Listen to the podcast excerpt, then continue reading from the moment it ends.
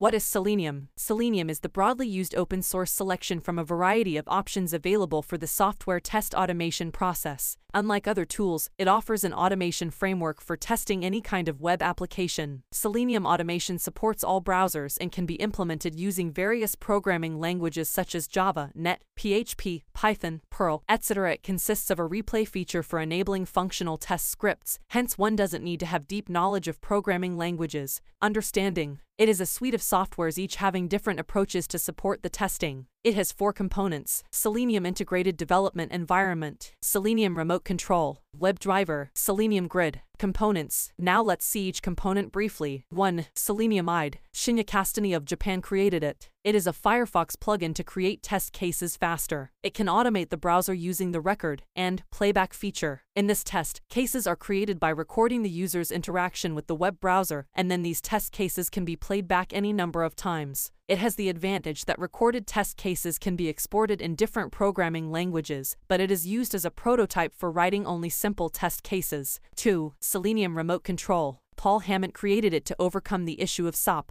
This policy prohibits JavaScript code from accessing the elements of the domain other than the parent domain. So Paul created RC to act as an HTTP proxy to make the browser believe that the Selenium core and web application to be tested are from the same domain. It is also called Selenium 1. 3. WebDriver. Simon Stewart created it in 2006. It was the first testing framework that was cross-platform and that could control the browser from the OS level. It is more efficient than both the Selenium IDE and RC as it is faster than both. It does not rely on JavaScript for automation purposes, and it directly communicates with the browser to control it. 4. Selenium Grid. Patrick Lightbody developed it. It is used together with Selenium RC to run tests on remote machines. It can run parallel tests across different browsers and machines at the same time. It saves time and increases efficiency. Working with Selenium, it is a web application testing software suite comprising four components. Now while working with it, the first task is to appropriately choose the right tool among the four according to your needs. Now we will see when to work with which tool. 1. Selenium IDE, used to create simple test cases that can be exported to RC or driver later on. Used to test web applications against Firefox. Use when you have little or no prior knowledge in programming. 2. Selenium Remote Control, Use when you want to run your test against different browsers. Use when you want to test your web application against a new browser that supports JavaScript. Use when you test across multiple environments using Selenium Grid. Use when you test your web applications with Ajax-based scenarios. Use when you use a language other than Selenese. 3. WebDriver. Use when you want to use a programming language to design your test cases. Use when you want customized results. Use when you want to test web applications having Ajax-based functionalities. Use when you want to execute tests on the HTML unit browser. 4. Selenium Grid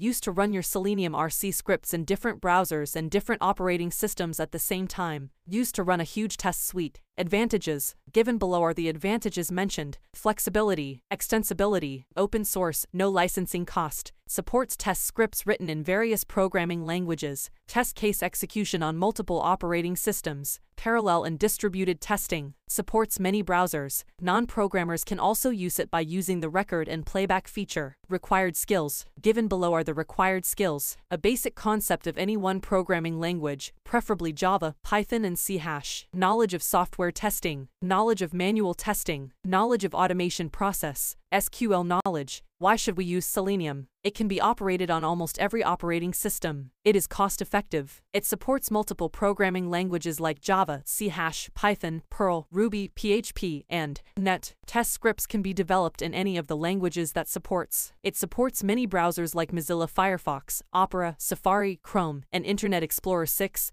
7, 8. Many numbers of robust methods for the location of elements like DOM. It is easy to implement frameworks related to object-oriented programming. It provides support for the integration of frameworks such as JUnit, NUnit, and many more. It supports parallel testing, scope. In today's time, automation testing is leading in the market. It has a wider scope for technical people or people who want testing as a profession. The trend is continuously changing and it is making its way into this change as it is open source, and anyone can contribute and learn it easily. It is very efficient for the people involved in manual testing. It would help them convert written test cases into automation scripts, reducing the time and increasing their efficiency. Who is the right audience for learning Selenium technologies? Anyone who has knowledge of programming can learn Selenium. You must learn any one programming language, preferably Java or C hash, before learning this technology. Non programmers can use IDE, but it would be efficient if some prior knowledge of any programming language is available. How will this technology help you in career growth? There is huge growth in the career as far as Selenium is concerned.